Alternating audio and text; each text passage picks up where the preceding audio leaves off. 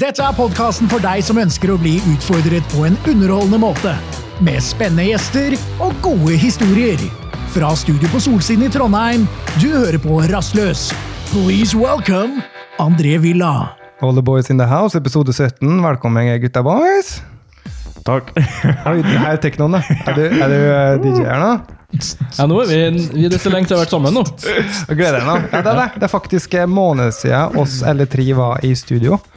Fordi Marius har vært på frieri og ikke vært på takti. Det Uh, har ikke jeg vel på. Frieri. Ja. Nei, ja. Jeg vet ikke hva det betyr. men... Er frieri. Da er du og eh, ser etter damene. Oh, ja, ja, er du sånn, singel fortsatt, eller er det en måneder siden jeg har sett det? Ja, jeg tror det. Ja. André satt jo på, på trappa utafor huset sitt når jeg, jeg kom og skulle hente den i sted. Og så setter han seg inn i bilen. Når han sittet- utafor huset sitt og venta noen minutter, og så kommer han inn i bilen. Se her, da. Siden nå så er det halvnaken dame på mobilen. Så Ja, han rekker- rekker Vet du hva det var? Jeg, Ja, for... jeg fikk akkurat en melding fra en kompis. Det er ganske uskyldig da, å se på damer på Instagram. ja. Du, du får en innrømte melding, at- må du du- innrømte at du var på Instagram. Og Ja, men eh, når du får en melding på Instagram, så må du jo eh, ta ofte og se, da.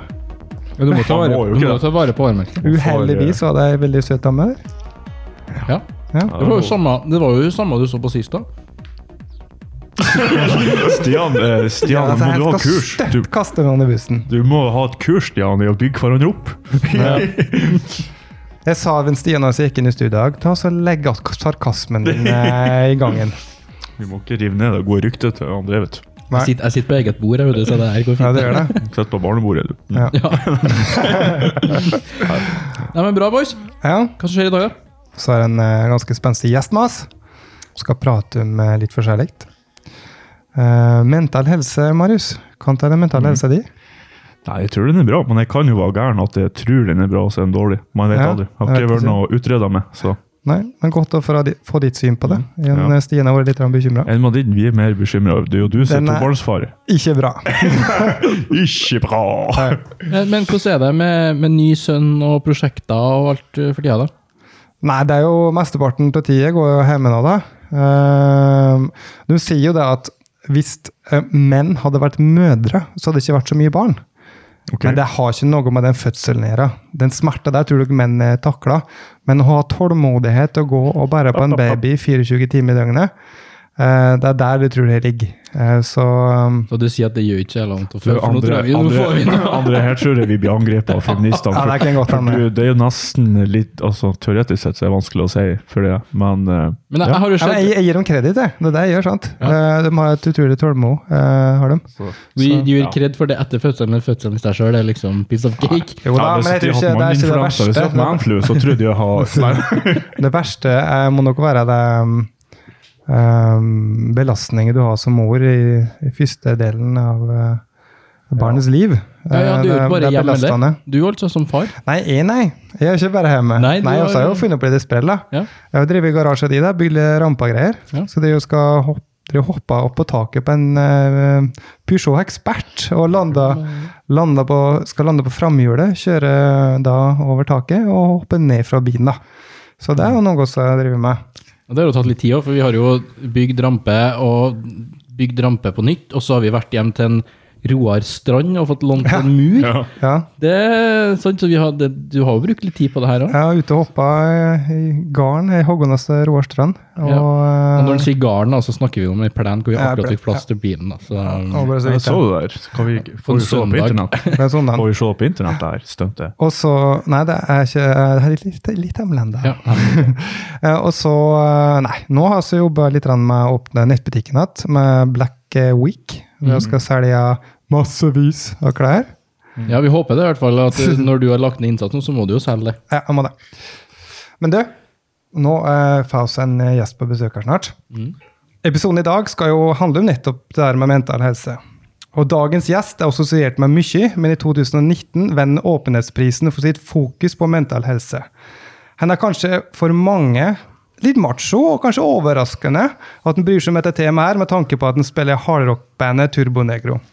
Eh, mange forbinder han nok mer med kritiske TV-program som Trygdekontoret, og at han nå er aktuell med TV-serien UXA på NRK. Thomas Seltzer, velkommen til Rastløs. Takk for det. Velkommen, velkommen. Det er bra musikk her.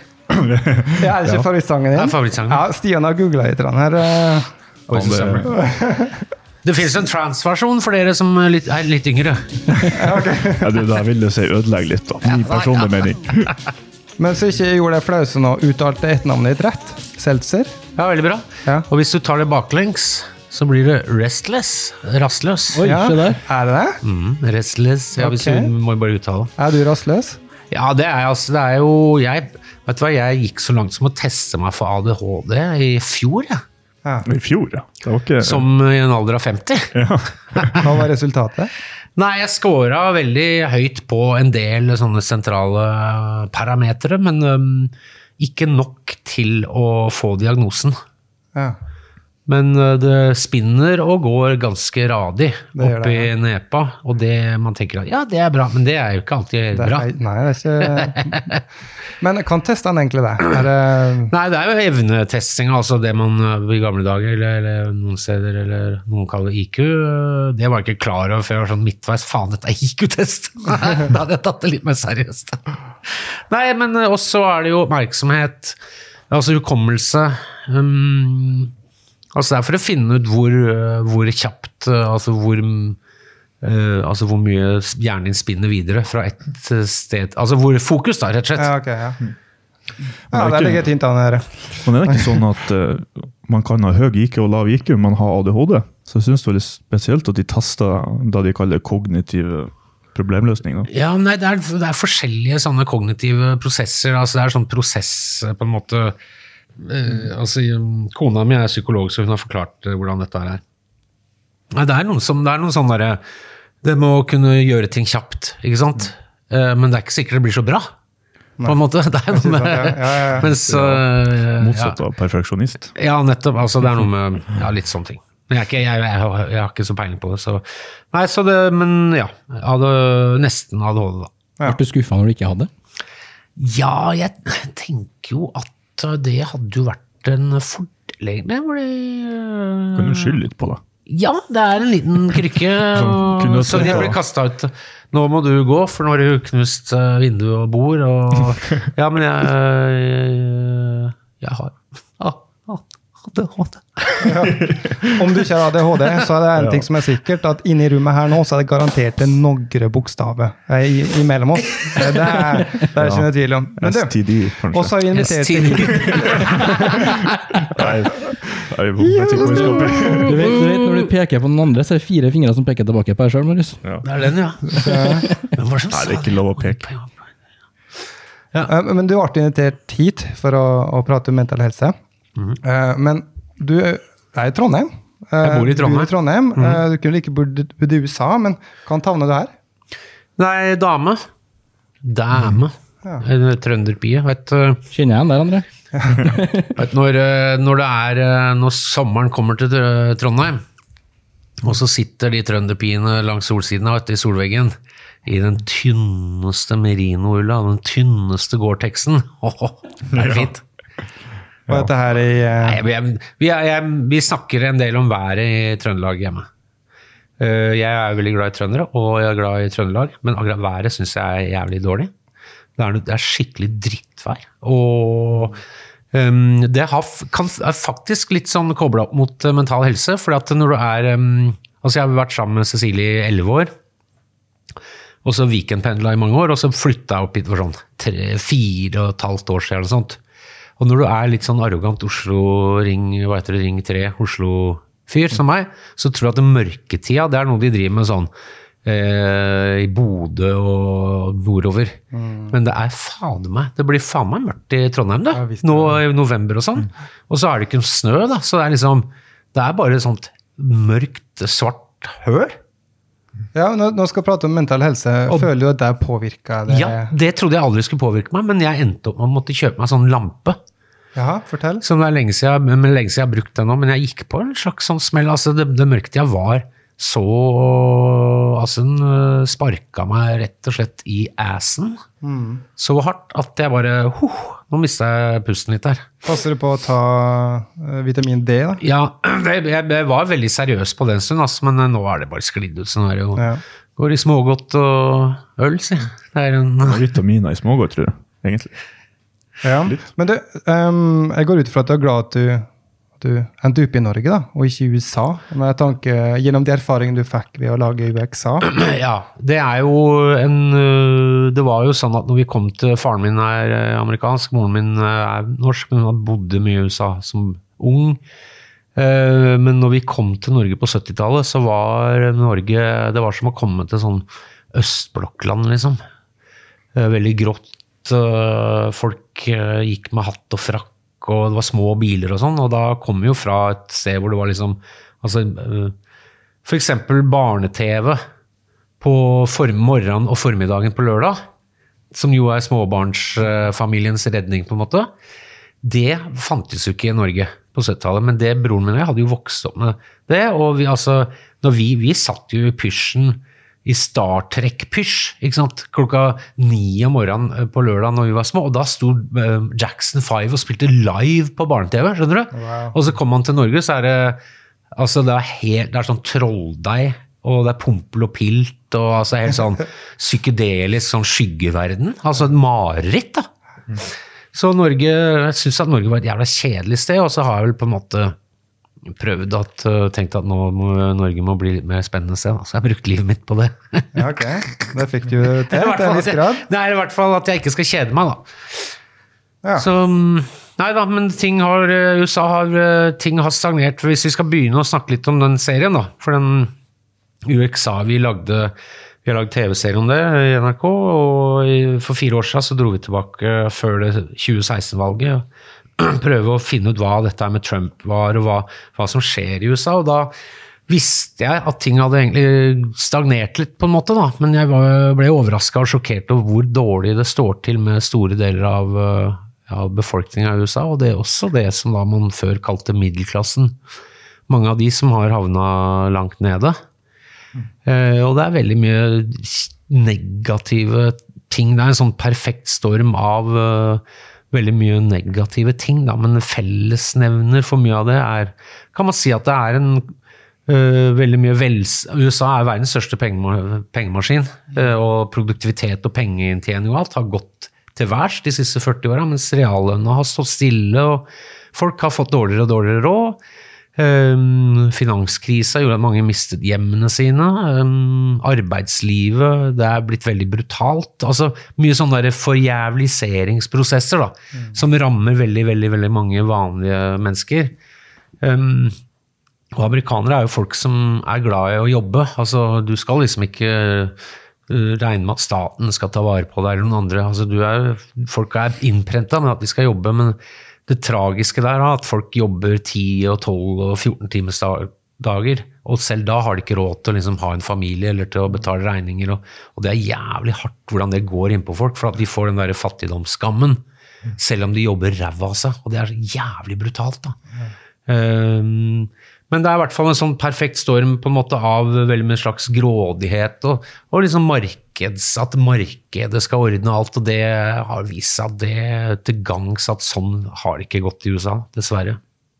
Nei, og så fikk vi et møte med noen slektninger av det der òg. Søskenbarn. Ja. Ja. Tasha. Ja, ja, det vi gjorde, Tasha, er altså dattera til kusina mi. Ja. Kusina mi fikk barn veldig ung. altså Kusina mi Kim er bare to år eldre enn meg, men hun har jo levd et veldig hardt liv eh, med hard jobbing og det som hører med. eh, Og det å leve fra hånd til munn. Så hun eh, fikk barn veldig tidlig. altså Hun har jo liksom voksne barn nå som også Ja, Hvor mange barn har hun? Nei, øh, Kim har vel tre barn, men Tasha, som er et av, en av hennes døtre, har fem barn. Herregud. Så det er jo masse barn. da. Men det er også noe annet vi ser, liksom, at veldig mange i USA også rett og slett, Folk har ikke råd til å ha unger. Um, men altså det her, eh, den episoden eh, når du var, møtte dine slektninger da, Jeg satt i sofaen med Rakel, Ja. og så hun mangla jo da 500 dollar til å få ferdig utdanninga si. Ja, ja. Eh, og husker jeg sa til Rakel Kom igjen, at de har dem med deg! Eh, for- for du ville jo hjelpe dem, sant? Ja, ja, ja. Um, men så har jeg skjønt at i ettertid så um, har du prøvd å hjelpe dem, og mer enn bare med 500 dollar. Du har i hvert fall satt opp Nei, jeg, nå jeg på spurte på Facebook og Instagram hvordan er man gjør dette her. For det var veldig mange som spurte folk i redaksjonen og sånn. Eh, det var faktisk noen i redaksjonen min som sa det først, at dette her er jo det, er masse folk som gjerne vil donere penger. Og tenker jøss. Eh, og så eh, har jeg faktisk jobba litt med sånn crowdfunding før, men det begynner å bli så lenge siden. Jeg, liksom, jeg har ikke oversikt over det markedet lenger. Men jeg bare spurte folk. Eh, også, men så var det noen på NRK som sa at det, du kan ikke, NRK-programledere kan ikke ha egne pengeinnsamlinger. Men så fant jeg ut jo, Erik Bye hadde det for en redningsskøyte. Men uansett, da, for folket som ikke så en episoden, eh, Ja. så var de jo eh, mange innenfor eh, samme tak. Mm. De tjente rundt 8500 kroner i måneden, Mm. eh, som hun fikk betalt for å ta hånd om sin mor. Mm. Eh, de hadde jo um, food stamps, gikk på food stamps da. Mm. Mangla da fem, 500 dollar for å ferdig utdanninga, som ville da gi henne bedre inntekt. Ja, ikke sant? Og så hørte vi historien her om uh, NRK, som en bare må respektere. At, uh, at rollen som programleder kunne Ja, man må respektere det. Ja. Men samtidig syntes vi det var litt leit. Ja. Så eh, også en liten overraskelse i dag. ja. eh, der oss har gått inn og laga en sånn spleis for uh, Å, ja. din eh, familie i uh, USA. Det er bra. Um, så hvis du går inn på telefonen din, så kan du sjekke. Å ja, kult, da. Hvis du går på andrevilla.com eh, slash spleis Ja, Så gøy, da. Skal vi se. Så det er jo uh, veldig kjapt kasta rundt her i dag, så, så er jo ikke helt ferdig med det. Så det er en liten donasjon her for oss tre på 1000 kroner som en liten start. Ah, Så kult, da. Ja, Um, men du, Det er veldig fint. for det er jo eh, altså Men da må ikke dere bruke penger på sånn uh, motocross-ting? sånn. Nei, da, de går da til det det. ikke, eller skal du ha en prosent? Vi har faktisk eh, ført opp eh, at eh, eneste mottaker er Thomas Seltzer, så vi får ikke ut Å ja, pengene det. vi. Ja, Så så vi som da. eh, får peng Ja, så snille dere er. Da blir det nytt skateboard, da. Det kan jo være. Jeg har det selv. Nei, men det er så kjempefint. Um, det er slik at oss kan jo ikke hjelpe eller påvirke alle. Nei. Men oss kan jo i hvert fall gjøre en liten forskjell for henne. Uh, og om ikke du kan reklamere for uh, at uh, hun skal gjøre det, så får vi jeg være. Andre Seltzer eller Thomas Villa her. Og så hvis du går til da andrevilla.com slash spleis, så kan dere bidra med noen kroner. Og bare min, minne dere på, da. En boks snus koster 106 kroner. En drink på byen koster 150, en iPhone koster 12 000. Ja, så en liten artig greie for oss her nå, så bare har dere lyst til å bidra litt der, så er det å stelle pris på det. Men hvis du tenker på um, altså, mental helse og økonomi, da, altså Tasha sin situasjon uh, og den økonomiske krisa, kan, kan påvirke deg mental helse?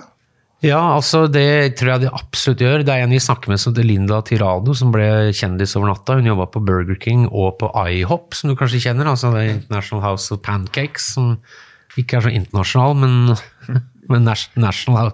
Som jo er en fastfood-kjede. Og sånn 12-14 timers arbeidsdager. Og da, hun snakker veldig øh, hun snakker veldig sånn, hun har veldig sånn nerve på hvordan, hva det vil si å være fattig. I, altså, er du fattig i Amerika, så er det ikke som i, Biafra, altså sånn Uh, Eritrea under sultkatastrofen. Altså, det, er folk, det er jo ikke barn som går rundt med fluer i ansiktet og dør, men det er en annen type fattigdom. Men den, kan, den er jævlig hard, for at du er hele tida stress. Altså det er stress, stress, stress. Det å være fattig er jævlig pes. Eh, og det er jævla dyrt å være fattig. Og folk, Man ser ofte på sånn countryvideoer og sånn, så ser du ofte at det ligger bilvrak i hagen til folk i USA. Og det er, det er sånn typisk sånn fattigdomsfenomen, fordi at du har aldri råd til å kjøpe deg en helt ny bil. Sånn at du kjøper en bil, og så kjører du den til den bare går til, til helvete. Men så sparer du på den, og så kjøper du en bil som er ganske lik en ny brukt en, for da har du delebil. Ikke sant? Så du, du lever på en måte eh, litt sånn som på søppeldynga i Manila eller eh, Rio. Men ikke sant? du må bare ha en liten søppeldynge hjemme. For at det, noen av de søpla, søpla, på en måte, eller gamle vraka, kan du jo potensielt få bruk for. Da. Så det er jo sånn hvordan fattigdommen er jævlig pes. Det er en øh, veldig øh, tung jobb. Um, og hun, Linda Tirado snakker veldig fint om det, liksom det der at du er i sånn stressmodus, fight or flight. He, altså det er jo en slags, altså livet er, Hverdagsliv er nesten ekstremsport. da. Spesielt når du er, har barn. altså Det må Det er en ting jeg tenker på med liksom med barn altså tenker, USA som ekstremsportnasjon, da. Jeg tenker at den, den posisjonen kan bli trua etter hvert. Fordi altså det at øh, du som 20-åring uh, brekker armen, eller at barn, ikke sant? Altså, da mister du huset, da. Altså, et, et armbrudd i USA, det, det koster ikke 500 kroner, det kan koste flere hundre tusen kroner. Ikke sant? Og da er det løpet kjørt. Og det, det er litt sånn hvordan den økonomiske rammene som folk er tvunget til å leve under, på en måte hemmer livsutfoldelsen. da. Jeg har en historie der, en kompis fra USA eh, som eh, hadde fødsel. Um, og så var det noen komplikasjoner. Så måtte legge, ligge tre uker på sykehus. Regninga på fire millioner kroner. Nei, det er bare Gudskjelov så hadde, var han ansatt i Monster Energy som fikk de hadde en slags forsikring innom der, da, em, som de egentlig ikke hadde, men som Monster likevel dekte. da. Men her er det i USA det er sjukt mange som er så fattige at de ikke har råd til helseforsikring. da. Men Vi pratet om det tidligere med at uh, det er dyrt å få barn. Uh, hva det koster å få barn i USA. Og som da fører til mange fødsler hjemme, vil jeg tro. Utrolig mange som Nei, altså det, det, er jo, det, er noe, det er jo noe helsetilbud for folk som er veldig fattige. Obamacare Ikke sant? jo- Altså, men, Obamacare er noe annet. Men altså, det er jo noe nødgreier. Altså, hvis du blir kjørt ned på Du blir ikke bare liggende på gata, altså, som kanskje er i Brasil eller andre steder. Altså, du, du blir jo kjørt i ambulansesykehus. Og du, de kan jo ikke tvinge De kan ikke presse pengene ut. Altså, det fins noen sånne nødløsninger for folk altså, som er veldig blakke. Men det å ha et vanlig familieliv, et slags middelklasseliv, da, det er ganske kjørt for veldig mange i USA. Og folk spurte oss, vi, vi dro over tre turer, vi skulle egentlig over fire turer, og så kom koronaen. og Under, når vi spilte inn i USA, så var det folk som sa For den, den fjerde turen så skulle vi møte en vanlig familie, da. For vi skal også vise hvordan dette på en måte, Det er litt ekstremsport inn i bildet der også. Det er noen veldig veldig gode venner av broren min, hvor han, eh, mannen er eh, veldig kule folk. Veldig, veldig kule folk. Eh, Trump-velgere. Mannen jobber på støvsuger distribusjon, altså De distribuerer støvsugere, og kona driver, er, eh, en har en lederstilling i privat bedrift. Egentlig veldig grei økonomi. Eh, Men der skjedde jo det at han, eh, mannen fikk kreft. Ja. Og var forsikra gjennom eh, firmaet sitt, eh, der hvor han jobba, mener jeg arbeidsgiveren. Og arbeidsgiveren er en veldig god venn han og alt. Og så begynte dette å koste, da, behandlinga. Og så sier kompisen til henne en dag at vet du hva, forsikringsselskapet ringte, du kan ikke jobbe her mer. What? Ikke sant? Så da, Det var den ene, det var den, liksom- det var den middelklassefamilien vi skulle vise, og det var mens koronaen. Så vi liksom, hvis vi hadde dratt over og hadde, vi vært der og filma, så kunne vi nesten kanskje vist deres på en måte fall ned i avgrunnen. da. Eh, jeg har lyst til å spørre litt om eh, når ble du, når ble du interessert i mental helse? Det er jo noe du er Nei, jeg tenker om. at Men også mora mi er psykolog, og alltid vært liksom, jeg har alltid syntes at det var interessant når hun har snakka om de tingene hun har drevet med. Men så har jeg jo kjent på et sånn tungsinn i, opp gjennom egentlig veldig ung alder. og Jeg husker jeg liksom hadde sånn derre som 11-12-13 år gammel, så hadde jeg sånn utrolig så mye sånn derre eh, krøll oppi huet. Altså, det var så jævlig mange kabaler som ikke gikk opp. Ikke sant? Altså, det var så jævlig mye sånn Faen! loops, så de Ja, kaller det. Sånne loops, men også sånn. Ja, men bare sånn faen, altså. Og da måtte jeg på en måte oppfinne en slags mindfulness, uten at jeg var klar over det. Men jeg, uten at, noe, at jeg visste at det var det det het. Men altså så, sånn derre Nei, det må jeg gi faen i. Det og det og det. Det må bare seile sin egen sjø. Ikke sant? Så jeg utvikla en slags erkjennelse på det, men det var jævla mye pes og veldig mye sånn tungsinn som kom ut av det. da. Um, og så um, Nei, og det har vært eh, rykk og napp og vært noe øh, Og så ble det litt rus involvert, men jeg ble veldig glad i å ta kokain. Dette høres ut som jeg er gjest på Skavlan skal lansere en ny plate. Men det er også noe med at det har blitt en romantikk og det har blitt en sånn kultur rundt det, at kjendiser skal snakke om den tunge tida. Og det tenker jeg er fint på en måte, for da betyr det at andre folk kan identifisere Altså på en måte bli inspirert. da. Men jeg føler at det har gått litt sånn, skje- litt sånn rutine i det. At, uh, så er det litt synd hvis du er en ung artist jævlig flink, så liksom Jeg, jeg vil gjerne komme på TV og snakke om nye plata mi, og da er det sånn Ja, da, hvordan var den tunge tida di? Og så, nei, jeg har ikke hatt noe tung tid. Å nei, men da får du ikke være på TV. Nei, så det er liksom Nei, jeg driter jeg driter hele tida.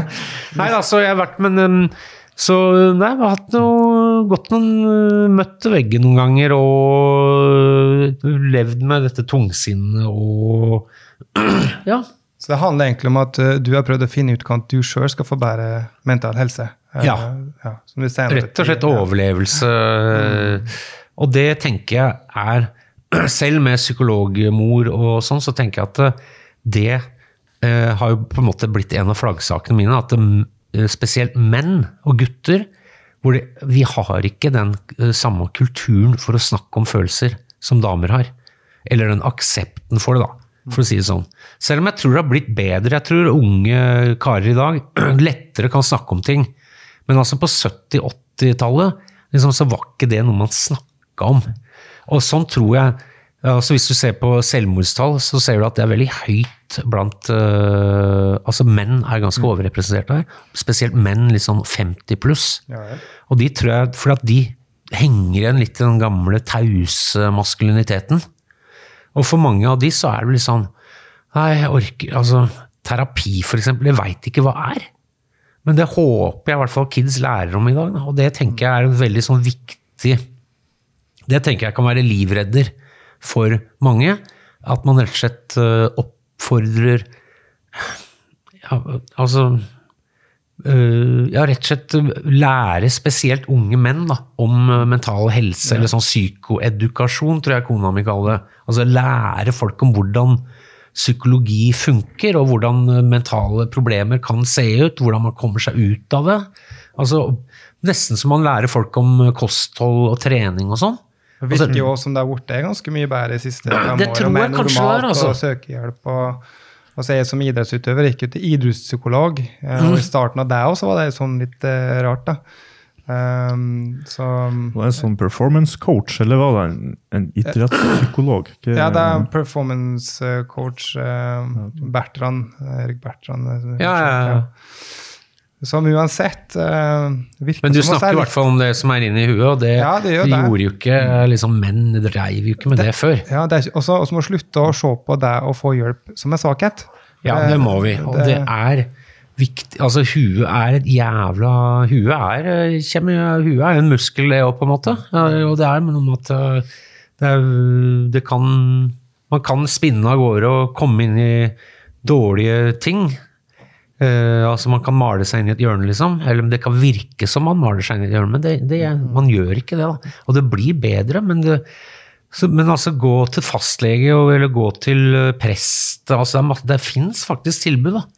Men jeg skulle ønske at eh, pol politisk sett at man kunne ruste opp um, ruste opp den der førstelinjetjenesten. Altså det der med at folk kan komme kjapt inn og få terapi kjapt. da. Jeg tenker at det burde være en skikkelig sånn nasjonalt løft med tanke på f.eks. at eh, mange dør rett og slett av mentale problemer. da. Og det er liksom De ene de liksom flaggsakene jeg har i livet, er sånn normalisering på sett og vis av rus, og normalisering av psykiske problemer. For det som går igjen altså Jeg er jo veldig nysgjerrig på folk. Det er på en måte derfor jeg har den jobben jeg har. Jeg er veldig sånn, jeg tenker at alle har en livshistorie som er, kan være litt episk, da, på et eller annet vis. Man kan høre sånn heroisk sånn der, sånn der gladiator-musikk i bakgrunnen. ikke sant? På en del, Alle har sånne elementer i livet, og det tenker jeg er jævla fint.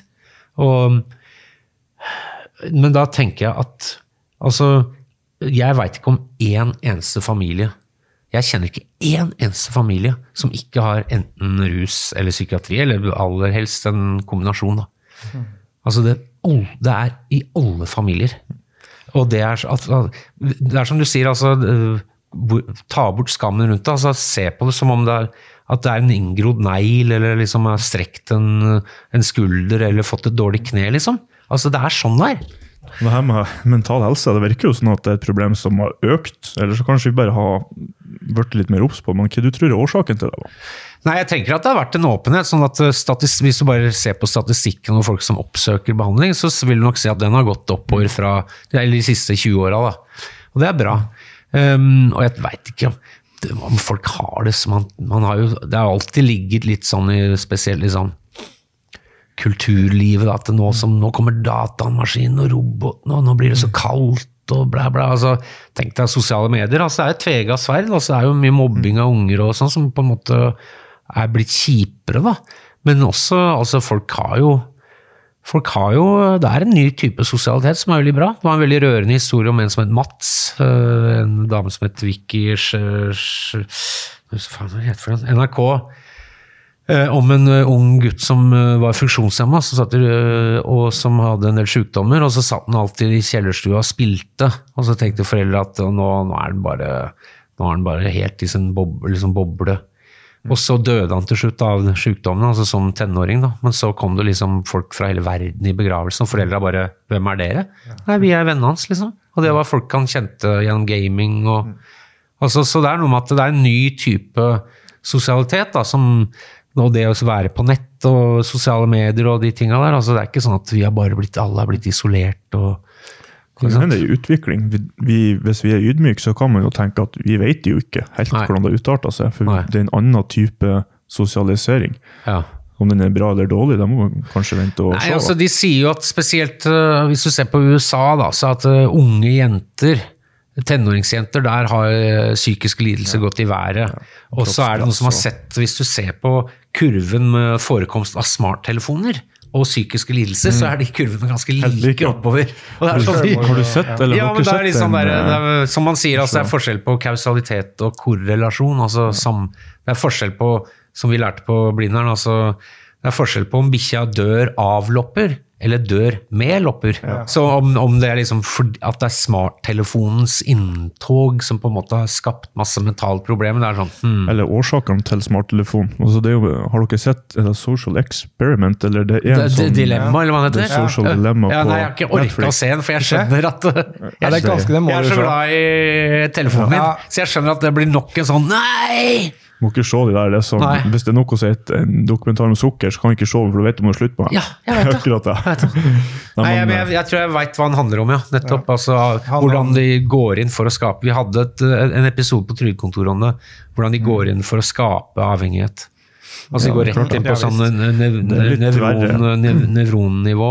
Og det er et par ting som dumper. deg Hvis at du, du blir drøget lenger og lenger i det du trykker på. La oss si jeg søker på Donald Trump. Til slutt så er det nazistvideoer. Det går bare lenger og lenger. Ja, lenger. ja, og lenger. Til slutt så er det Jeg vet at de har hatt øhm, En kompis av meg øh, forsker en del på ekstremisme. Han sier at øhm, når liksom, øh, Om det var Facebook eller hvem det var altså YouTube, altså de, har, de, har, de, har, de har jo noen folk som sitter på og passer på. Øh, Og skal fjerne de verste liksom, øh, konspirasjonsgreiene, de mest øh, verste med hat og sånn. De prøver å luke ut noen av disse store nettoperatørene. Folk som sitter her og har det som jobb, blir radikalisert. Mm. De blir nazister av å sitte og se på og blir prøve å fjerne. Ikke sant? Ja. Det går så rett inn i Jeg tror så er det er utsatt for det, menneskene. Ja, det er, man, nei, det, er, det også er en sånn mental helse-greie, dette med konspirasjonsteorier. For jeg tror at det Vi kan le av det og synes det er helt jævlig, og sånn, og det er det. Men jeg tror det har, har noe med dypt Det er en dypt eh, menneskelig um, et dypt menneskelig behov å skulle prøve å skape litt orden i verden rundt seg. altså Prøve å se noen sammenhenger. Mm. For når verden er bare kaos og faenskap faen Jo, og det var den historien vennen av meg var veldig opptatt av konspirasjonsteorier. Dette, på, dette var liksom på 90-tallet, før nettet. Men han var veldig inne i det, og det fantes jo konspirasjonskultur, teorikultur på den tida også, da, ikke sant? Og han her var liksom goth-type. altså Det var jo sånn vanlige gutta som gikk i svarte klær og likte litt sånn hard musikk og sånn, var også veldig opptatt av konspirasjonsteorier. Jeg også var det en stund, ikke sant? Men han, han satt på Det er lang, men artig historie, men han skulle til USA, og så havna han på ble han oppgradert, så han satt på, plutselig satt på business. da. Eh, Og så satt han ved siden av en dresskledd, eldre, veldig eh, stram, eh, streit herremann, og så viste det at de hadde en felles interesse, nemlig alkohol. så de ble sittende og drikke sammen med han, eh, han unge støyrockeren og han der gamle fyren. Det viste seg at han var eh, en av lederne i eh, Verdensbanken. Å, wow. Eller World Monetary, ah, International Monetary, altså en av disse store, store eh, globale finans... Um, på en måte Rothschild, sikkert. nesten. ja, det er sånn Rothschild-fyr. Og da bare wow! Og så begynte jo drikkinga, og så jo mer Og så bare begynte han kompisen min bare ja, Men også er det det, dere har gjort det og det, hva med det? Og liksom, men det var god stemning, da. Når, liksom, og så går han sitter og hører på liksom noen timer, han der eldre karen, og så sier han liksom eh, Ja, veit du hva, eh, nå skal jeg fortelle deg noe. For, for han, han bare liksom Men forklar, da! Fortell, da! Nå kan du fortelle! Du kan, du kan si det til meg! Jeg holder kjeft! Og sånn, det var masse sånn hele tida. Han filmet jo, nei. Og så til slutt sa han Nå skal du få høre noe jævlig scary. Nå skal jeg fortelle deg en hemmelighet som kommer til å bare slå deg i bakken. Og det er det skumleste du kommer til å høre. There is no conspiracy. For da betyr det at da er det jo faen ikke noen For det er noe betryggende i konspirasjonen, at det er i hvert fall noen voksne som har snakka sammen på et mørkt rom. Det er bedre enn at det ikke er noen voksne som har snakka Altså, det er fuckings kaos! Skjønner du? Og det er sånn Sånn Twilight sånn Faen, er det ikke, er det ikke konspirasjon engang? Faen! Kaste bort all den tida Ja, men, nei, men det er bare at det er skummelt. Altså, det er en, I konspirasjonsteorikulturen så er det en trygghet, på en måte. Altså at det er Det går an å kontrollere verden. Se på dem! De, de, de, de kontrollerer jo verden. Mens det å kontrollere verden er nok ikke så lett som man skulle tro. Men det er klart det er folk. Folk. Det er noen som har veldig mye makt. Og man skal ikke slutte å se på hva de kan utøve av faenskap. ikke sant? Og makta har jo alltid tråkka på småfolk. Og, og sendt unger i eh, krig, og, og- eller sendt unge menn i krig. Altså, uh, makta har alltid behandla småfolk dårlig. Men det er det jeg tenker at da må man utøve ordentlig systemkritikk på det. Og se på det, istedenfor å si at de er reptiler. Så vi har lyst til å spørre om eh, du kunne forklart angst og depresjoner. For det er jo det er noe med det at de som har det, de kan forklare de som aldri har hatt det. Det er liksom en slags forklaring. Eh, Ja, altså jeg, han psykiateren som jeg har gått til lenge, han, øh, han, altså han Det er jo at man har en øh, Altså, mennesket er jo Man er jo, lever jo som, som Altså, man er jo er, man må ha frykt for å overleve. Ikke sant? Altså Fryktløse steinaldermenn, de, ble, de bare døde. For ikke sant? Oi, der kommer en mammut. Ja, jeg bare står her, jeg. Ikke sant? Og det ble ikke så mye de genene Altså du må være, Det hjelper å ha litt guts, liksom, det er ikke det. Men det må være en viss balanse der. Hvis du bare er fryktløs, så dør du ut. Altså De genene dine blir jo ikke sendt videre.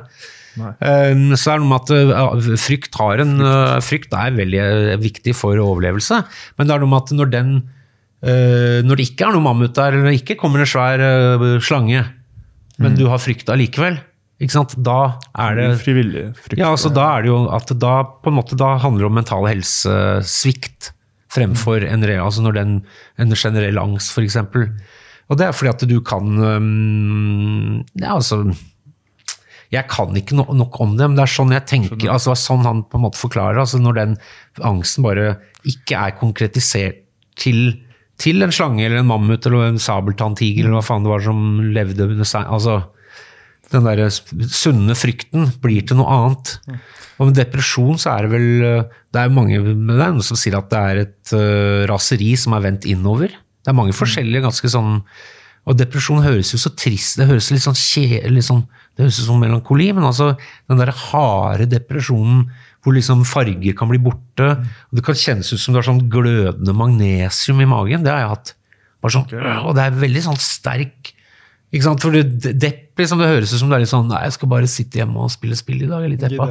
Nei, ikke sånn gidderløs. men det er ikke altså, For min del så har det vært noe veldig fysisk jævla intenst. og litt sånn Altså, det er utmattende, da. Um, sånn at det er noen som sier at det er liksom raseri og hat vendt innover, eller det kan være Altså, det er jo en eller annen Det er hat mot seg sjøl eller verden. ja, altså, ja, ja, ikke sant? Altså selvforakt og øh, Hva er det Kvelertak sier? Det eneste dyret som vil seg, seg selv vondt, det er liksom mennesket.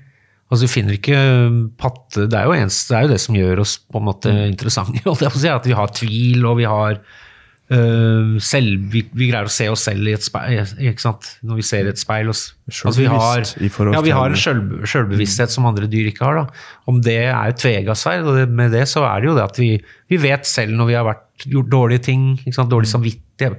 Dyr har vel neppe dårlig samvittighet, men de har sikkert sterke følelser for Eller en, en bikkjer og sånn kan jo skamme seg og sånn, men allikevel, altså hvordan det Mest instinkt. Ja, mest instinkt, men altså de, hvordan Helt fra Adam og Eva, Eva helt til vi, vi oppdaga vi er naken. ja, Faen, liksom! Det er da det, er da det skjedde rett ned Ja, derifra. ja, Da nettopp, ikke sant? Selv, hva de kaller det sjøl, men vi er sjølbevisst på en negativ måte, da. Ja, men da kan også er erotikken. Da blir plutselig erotikk også litt spennende. Ja, det er jo sikkert derfor erotikk er så spennende. Det er mot uh, instinktet. Men du, vi var litt inne på det med sosiale medier og, og grafen i forhold til smarttelefoner og sånn.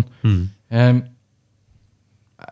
føler du at, at terskelen har gått så lavt ned at den måtte måte at det har blitt en, en enkel greie å si i media at du har det vanskelig? Ja, det har det- blitt, det blitt en, for lavt? Altså, det er romantisering, for man har jo helt siden romantikk altså på 1800-tallet så det, Man var jo ikke stor kunstner før man hadde liksom et hjerte som brast. altså Det er, liksom, det er de knuste hjertene og angsten og sånn som skaper skrik, liksom, maleriet. og Dostojevskij, ja, er liksom. Du kan, ikke, du kan ikke lage, skrive en store store roman uten at du har, liksom, har sett uh, av, stirra ned i avgrunnen lenge nok. Og det er så, liksom som i rocken. Liksom, vet hvor mange ganger Keith Richards har vært uh, klinisk dau, liksom. Altså, Og det er noe med at vi liker at kunstnerne uh, lever på kanten. For da lever de på en måte for oss. Vi er jo veldig fascinert av folk som lever marginale eksistenser, altså som lever på en måte i ytterkanten av livet, da. Altså, det er jo det er noe med at Freestyle motocross, eksempel. ja, men altså, det er jo Jeg tror, det, jeg tror absolutt det er noe i altså, Apropos Ikarus, var jo han som skulle lage vinger og så fly inn i sola, og så kom sola og sa 'sorry, her er det varmt', og så hadde han jo festa de vingene med voks, og så smelta han. Og det er jo sånn Vi liker det derre mennesket som liksom utfordrer Gud, da. Og det mener jeg det er kanskje sånn Det er jo noe sånn hero. ja, det er jo en, øh, det er jo en øh, Det tenker jeg er jo øh, hvorfor folk liker ekstremsport. Da. Altså, det er jo unggutten mot som utfordrer skjebnen, da, rett og slett. Og det, det er liksom, Vi blir jo aldri lei av det. Men, det er, men, men da, da også, i det så kommer jo også litt sånn Men jeg bare tenkte at liksom, når du ser de som står på plata i Oslo med sånn heroinknekk i knæra Jeg tenker at de hadde fått et bedre helsetilbud, for det er sånn Se på dem, der står Jimmy. Det er Norges Jimmy Henriks og Janis Joplin. Og, sånn var det i hvert fall mye på 70-80-tallet. Sånn, veldig sånn, du var veldig rocka, disse heroinistene. Men hvis du bare hadde sagt nei, det er vanlig, det er folk som burde ha jobba i bank og vært tannleger og sånn. Men de har fått, det har vært feil valg, og de har fått utdelt dårlige kort, og bla, bla, bla. Men bare se på dem som mislykka tannleger. og Mis ikke se på dem som ja, det er den siste indianerstammen. De er poeter. Og sånn, nei, drit i det.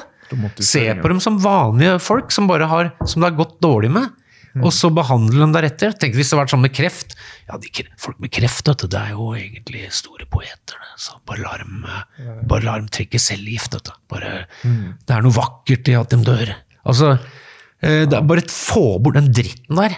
Og så begynne å behandle rus som det det er, som et helseproblem. Ikke som et kriminalpolitisk problem, eller som et poetisk, som en sånn poetisk eh, aspekt ved bybildet.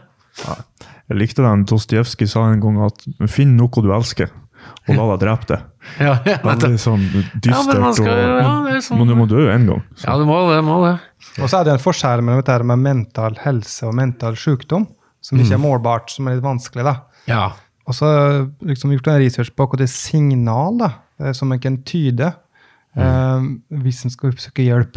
Og så var det en sånn fellesnevnere for eh, mange av de sakene hos eh, Mm. Så tenkte jeg bare jeg skulle lese dem opp Ja, det er i- fint da, det er i fint da. eh, episoden. Og, det, Kjempebra. altså, det er jo det at um, En ting at alt virker liksom håpløst. Mm. at man liksom er tiltaksløs, er en ting. Uh, og så er det at en liksom ikke finner interesse i noe. Um, så virker jeg mer sliten og sover lite. Altså ten tendenser til angst. Uh, og hos menn er det ofte sett at det blir at man blir lettere irritabel. da. Man blir liksom på kanten. og- Tell me about it. Ja, du kjenner det igjen der, ja? Sånn ble jeg bare for lavt blodsukker. Ja, men det er ok, Ja, det er jo. Apropos eh, lavt blodsukker, har vi noe eh, godteri her? eller? Ja, vi kan prøve det. Ja, få noe sukker Ja, her, da. Og så er dette her med altså, endring i appetitt og vekt. Mm, Og så er det liksom ukontrollerbare følelser, da. Eh, som også har funnet ut at Nei, men gi deg, din jævel. Hva er det? Dette er dårlig gjort. Hæ? Det er Bublis. Det er jo min nemesis. Ja, ikke, Jeg har snakka for mye om det intervjuet.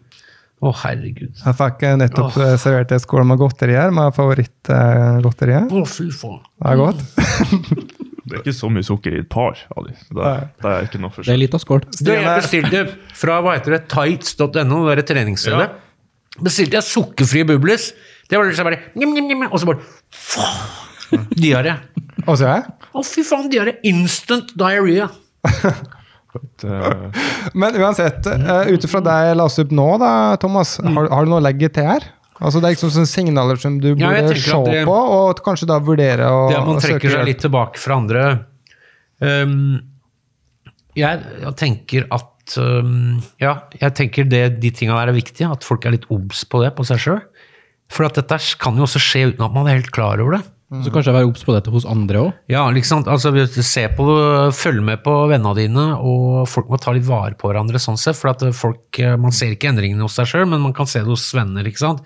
Hvis, du, hvis du har en kompis som bare liksom trekker seg litt vekk, som du ikke ser så mye til lenger og sånn, altså ta oppsøk den. Er vi for dårlige til det? Og så Det tenker jeg, men jeg tror vi må være litt obs på det. Altså, ja. det, er, det er ikke at folk er det, egoistiske og gir faen i andre, sånn, men jeg tenker at det er bra at den lista her på en måte øh, blir publisert, eller at folk veit om de tinga. Så er det Nei, jeg veit ikke, altså.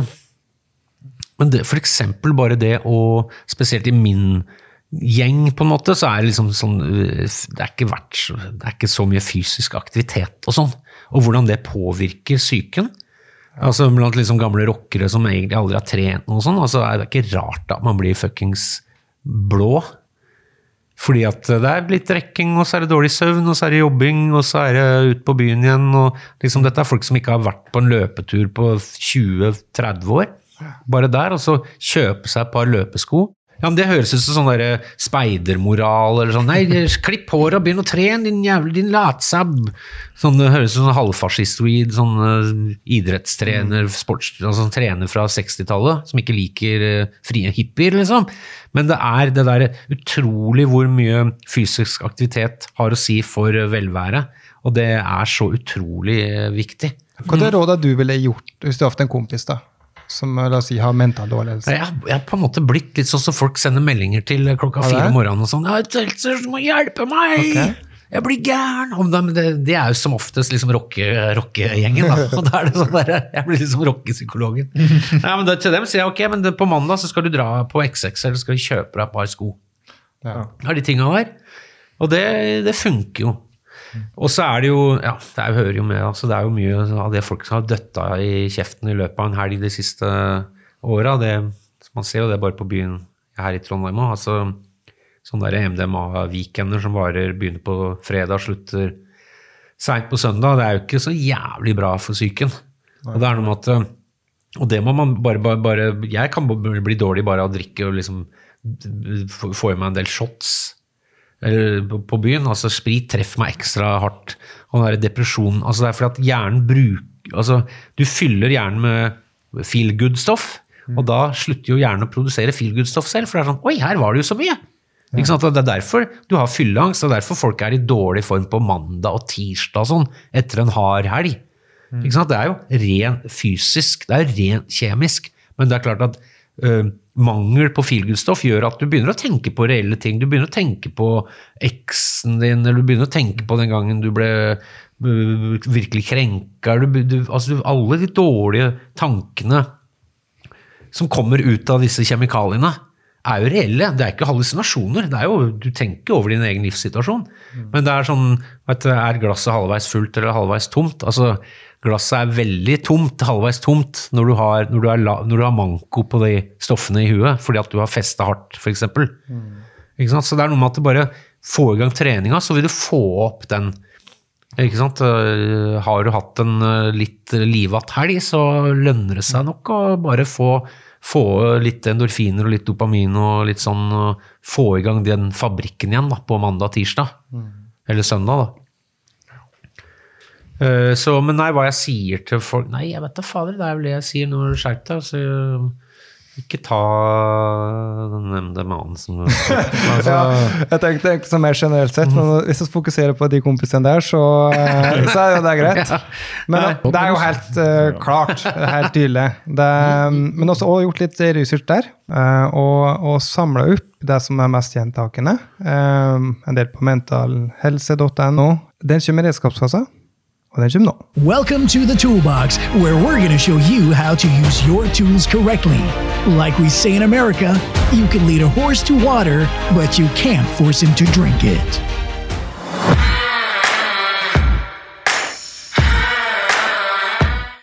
Råd for å bedre mental helse. Det er jo etter dette her som du sa, trening. Det kommer høyt ut på lista. Mm. Eh, Altså være aktivt og lage noen faste avtaler med deg sjøl og alle andre. Mm. Eh, Og så er det å knytte bånd. Mm. Eh, Høre om noen vil være med på tur, eller invitere noen på en søndagsmiddag. Mm. Så få, få et forhold til noen. Um, vær oppmerksom. Altså ta igjen en ny vei i jobben. Og kanskje Mm. våg å bevege deg utenfor komfortsonen. Um, fortsett å lære. Så ta, ta på at noe du tidligere i livet har drevet med, eller har lyst til å drive med. Mm. og kanskje prøve å finne en lidenskap. Uh, og det hadde vi en episode på. Episode 11. Finn din lidenskap. Um, gi til andre. Uh, F.eks. på Spleis. altså, smil til en du ikke kjenner. Så ikke småting i hverdagen òg, så kan jeg hjelpe til. Um, kosthold. Vær bevisst på hva mat gjør med kroppen. Uh, stapper i det bare pizza og junkmat, og, Og ikke trene. Og bublis. Da blir det fort eh, litt depresjoner i kveld, sant? Du, det er sant. Altså, jeg spiste, jeg var så glad i sånne grønne føtter en stund. Så gikk jeg opp på NRK en dag, så bare følte jeg meg Fy faen, nå føler jeg meg så jævlig nedfor. Ja. Og så prøver jeg å gå opp, og så kjenner jeg meg sjøl godt. og Hva er det jeg har fått, hva er det som har skjedd nå? Og jeg spiste en kilo grønne føtter i går. Og det var det eneste jeg kom på. liksom, faen, hva er det? For ellers var ting greit. Og det tror jeg faktisk jeg har Jeg tror jeg traff med den. Altså Det er så mye dritt i det der, eh, Det er ikke bare sukker, altså det er så mye dritt i det der smågodtet. Ja, at den bare klart at det vil jo ha en eller annen effekt på hjernen og på følelse, altså stemningsleie og sånn. ja.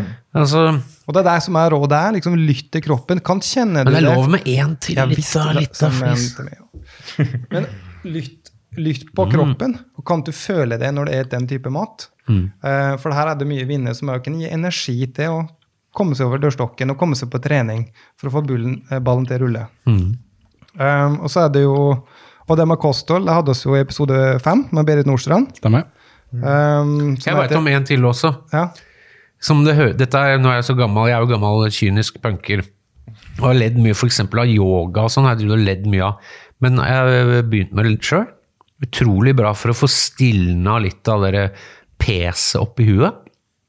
Mindfulness. Høres ut som sånn ja, du, Hadde du sagt det til meg for 15 år siden, mindfulness, så jeg tenkte oi, skal jeg ta aurafotografi? Si han fra Turbonegro, liksom. ja, med, med, liksom, med, krystall, skal det være noe krystallhealing? Å, fy faen, fuck off. Men utrolig Og dette er at ting som mennesker har drevet med i tusenvis av år. Se, det er en, fyr på, det er en buddhistmunk, ung buddhistmunk på YouTube som snakker om the monkey brain. Jævla morsom fyr. Jævlig kul spirit på han fyren. Han forklarer hvordan du at du har en, ja, du har en liten apekatt oppi hjernen som Og hvordan du lurer den apekatten til at du kan få deg ro. Med pusteøvelser og sånn. Og det er jævla De tinga der. Altså øh, øh, Ting som folk har drevet med i tusenvis av år. er ikke Innimellom så har folk gjort jævlig mye dårlige ting i tusenvis av år. Så det er ikke sånn Dette har folk gjort i 10 000 år. Ja, omskjæring, liksom? Nei, da altså, Men det er noen ting som har overlevd fordi at det har, det har en bra funksjon. Jeg tenker at noe av disse buddhistiske teknikkene for å på en måte få en slags ro og for å få fokus og sånn, det er ikke kødd. Og det er ikke noe som sånne der kjerringer har funnet på med batikkskjorte og, og noe røkelse, liksom. Det er, det, dette er, det er det skitt, da. Eh, Og det tenker jeg du kjenner sikkert igjen fra du? Ja, nei, men jeg var, på yoga i dag, faktisk. På, på 3T. Så bra. Eh, Men, altså det, men det er også fordi at jeg er så stiv, liksom. Og jeg bare, men bare det å kjenne kroppen sin, og kjenne muskulaturen, og kjenne liksom eh, det, det, er en, det er noe med at er, du finner et fokus i det, og du finner en, på en måte en sånn eh, tyngdepunkt i det, som er da fint. da. Eh, også en annen ting som eh, høres også litt sånn kjerringaktig ut, men det er liksom å ha takknemlighet. Det har jeg funnet ut av, for du sa det å gi noe til noen. Man føler seg go godt da. Det er ikke bare sånn å se å, jeg er et godt menneske, jeg ga deg noe, jeg ga deg en gave. Men det er, det er, folk liker å være snille. Man har godt av å være snill, for da blir man snill mot seg selv også. Og det er helt sant. Men det også eh, Jeg husker jeg var i en litt sånn mørk periode, så sa, da sa kona mi, hun er jo veldig klok og flink, hun sa lag en liste på slutten av hver dag, så lager en liste med tre ting som du syns som du er takknemlig for med den dagen. Um, og så har jeg bare ekspandert litt på det. Så tenker jeg på liksom, ja, gamle venner og folk jeg kjenner. og liksom, bare tenker jeg, faen, han var så, Det at han eller hun gjorde det den gangen, vet du hva, det fikk så utrolig kul effekt for meg resten av livet. Altså de tinga der. At noen, noen har gjort deg en tjeneste. De har ikke vært klar over det sjøl engang. Ikke at du har vært en sånn god samaritan som hjalp meg fra rennesteinen, men bare sånn enkle ting. altså En eller annen gang så var det en eller annen som sa noe. Og tenkte jeg, faen, det var jævla kult sagt. Og det betydde mye for meg. Altså bare en sånn takknemlighet, og da vil du også det vil, bli, det vil gå begge veier. Da, da vil du være litt raus mot deg selv. Og det er, det er sånn som for meg som alltid har litt sånn kantete personlighet og veldig glad i konflikter og liksom aldri veket unna for en krangel og vært litt slåssing og altså alltid vært sånn bråk, bråk rundt meg. Men altså å lære seg på en måte å eh, liksom være litt raus mot andre og så si at det og den gjorde, eh, var faktisk jævla fint for meg. Ikke sant? Det er vi veldig sånn Det er det ene. Og det andre er um, Eller liksom meditasjon og trening og sånn. Også dette med å være takknemlig, altså finne ting å være takknemlig for. Um, også det tredje er um, han Arne Næss, han filosofiprofessoren. Han, var, han er jo liksom en av verdens mest kjente filosofer i moderne tid. Han ble spurt liksom omtrent når han var på dødsleiet. Han ble spurt i et av de siste intervjuene han gjorde. Hva, altså, du, har vært, eh, du har grunnlagt denne øko, deep heter. Du har vært professor i filosofi siden du var i 20-åra. Hva kan du oppsummere? Hva, hva er ditt råd til folk som hører på? Du er kanskje, du er liksom underforstått, du er den klokeste fyren jeg noensinne har intervjua. Hva er ditt råd? Han sa ikke vær redd for å klenge på andre. Altså, ring til noen. Dra hjem og eh, ring på døra hos noen. Altså, strekk ut en hånd og si hei. Skal vi finne på noe? Hei. Skal vi gjøre noe? Hei. Hvordan er det med deg? Har du det bra? Det, var det, liksom, det, er, det er den ultimate lærdommen han sitter igjen med etter liksom 70 år som filosofiprofessor, som 90-åring eller 95-åring. Han sa ikke vær redd. Og det er kanskje også litt sånn særnorsk på at vi vil ikke være til bryderi, eller vi vil ikke plage andre. Nei, de har sikkert nok med sitt, eller ja, kanskje jeg skulle ringe noen. Nei, men de har, trenger ikke meg, de. De har det veldig bra uten meg, jeg får bare sitte her. Ja. Altså, ikke vær redd for å klenge, eller si liksom hei. Jeg kjeder meg, eller jeg er litt ensom, kan ikke vi finne på noe? Altså, bare strekk ut en hånd til andre. Ja, det er, det er jo det som står på nummer én på den lista her. Å ja, kult da. Ja, Knytt bånd. Ja, ja, veldig bra, og, veldig bra. Og nå ut til folk. Mm. Uh, tusen takk. Mange gode tips derfra det. Takk for det. Um, og et par til som var her, det er dette med god søvnrytme. Eh, Ja. Mm. Det er jo også fryktelig Det Blir påvirkelig. Og det er jo en viktig ting i liksom rocke, rock- rockeklientellet mitt, er at eh, du får jo dårlig søvn av liksom konstante liksom smådrekking og dårlig mat og sånn. Du får jo være hakkete, du får aldri den der ordentlig dypsøvnen, ikke sant? sånn at du er sliten hele tida. Men eh, det er sånt som folk merker med en gang, etter at de har gått og kjøpt seg løpesko, som jeg har kommandert dem om. Så er det liksom første kvelden etter bare en, en ti minutters eh, lett joggetur. Helt bare merke, Det er så merkbart på søvnkvaliteten med en gang.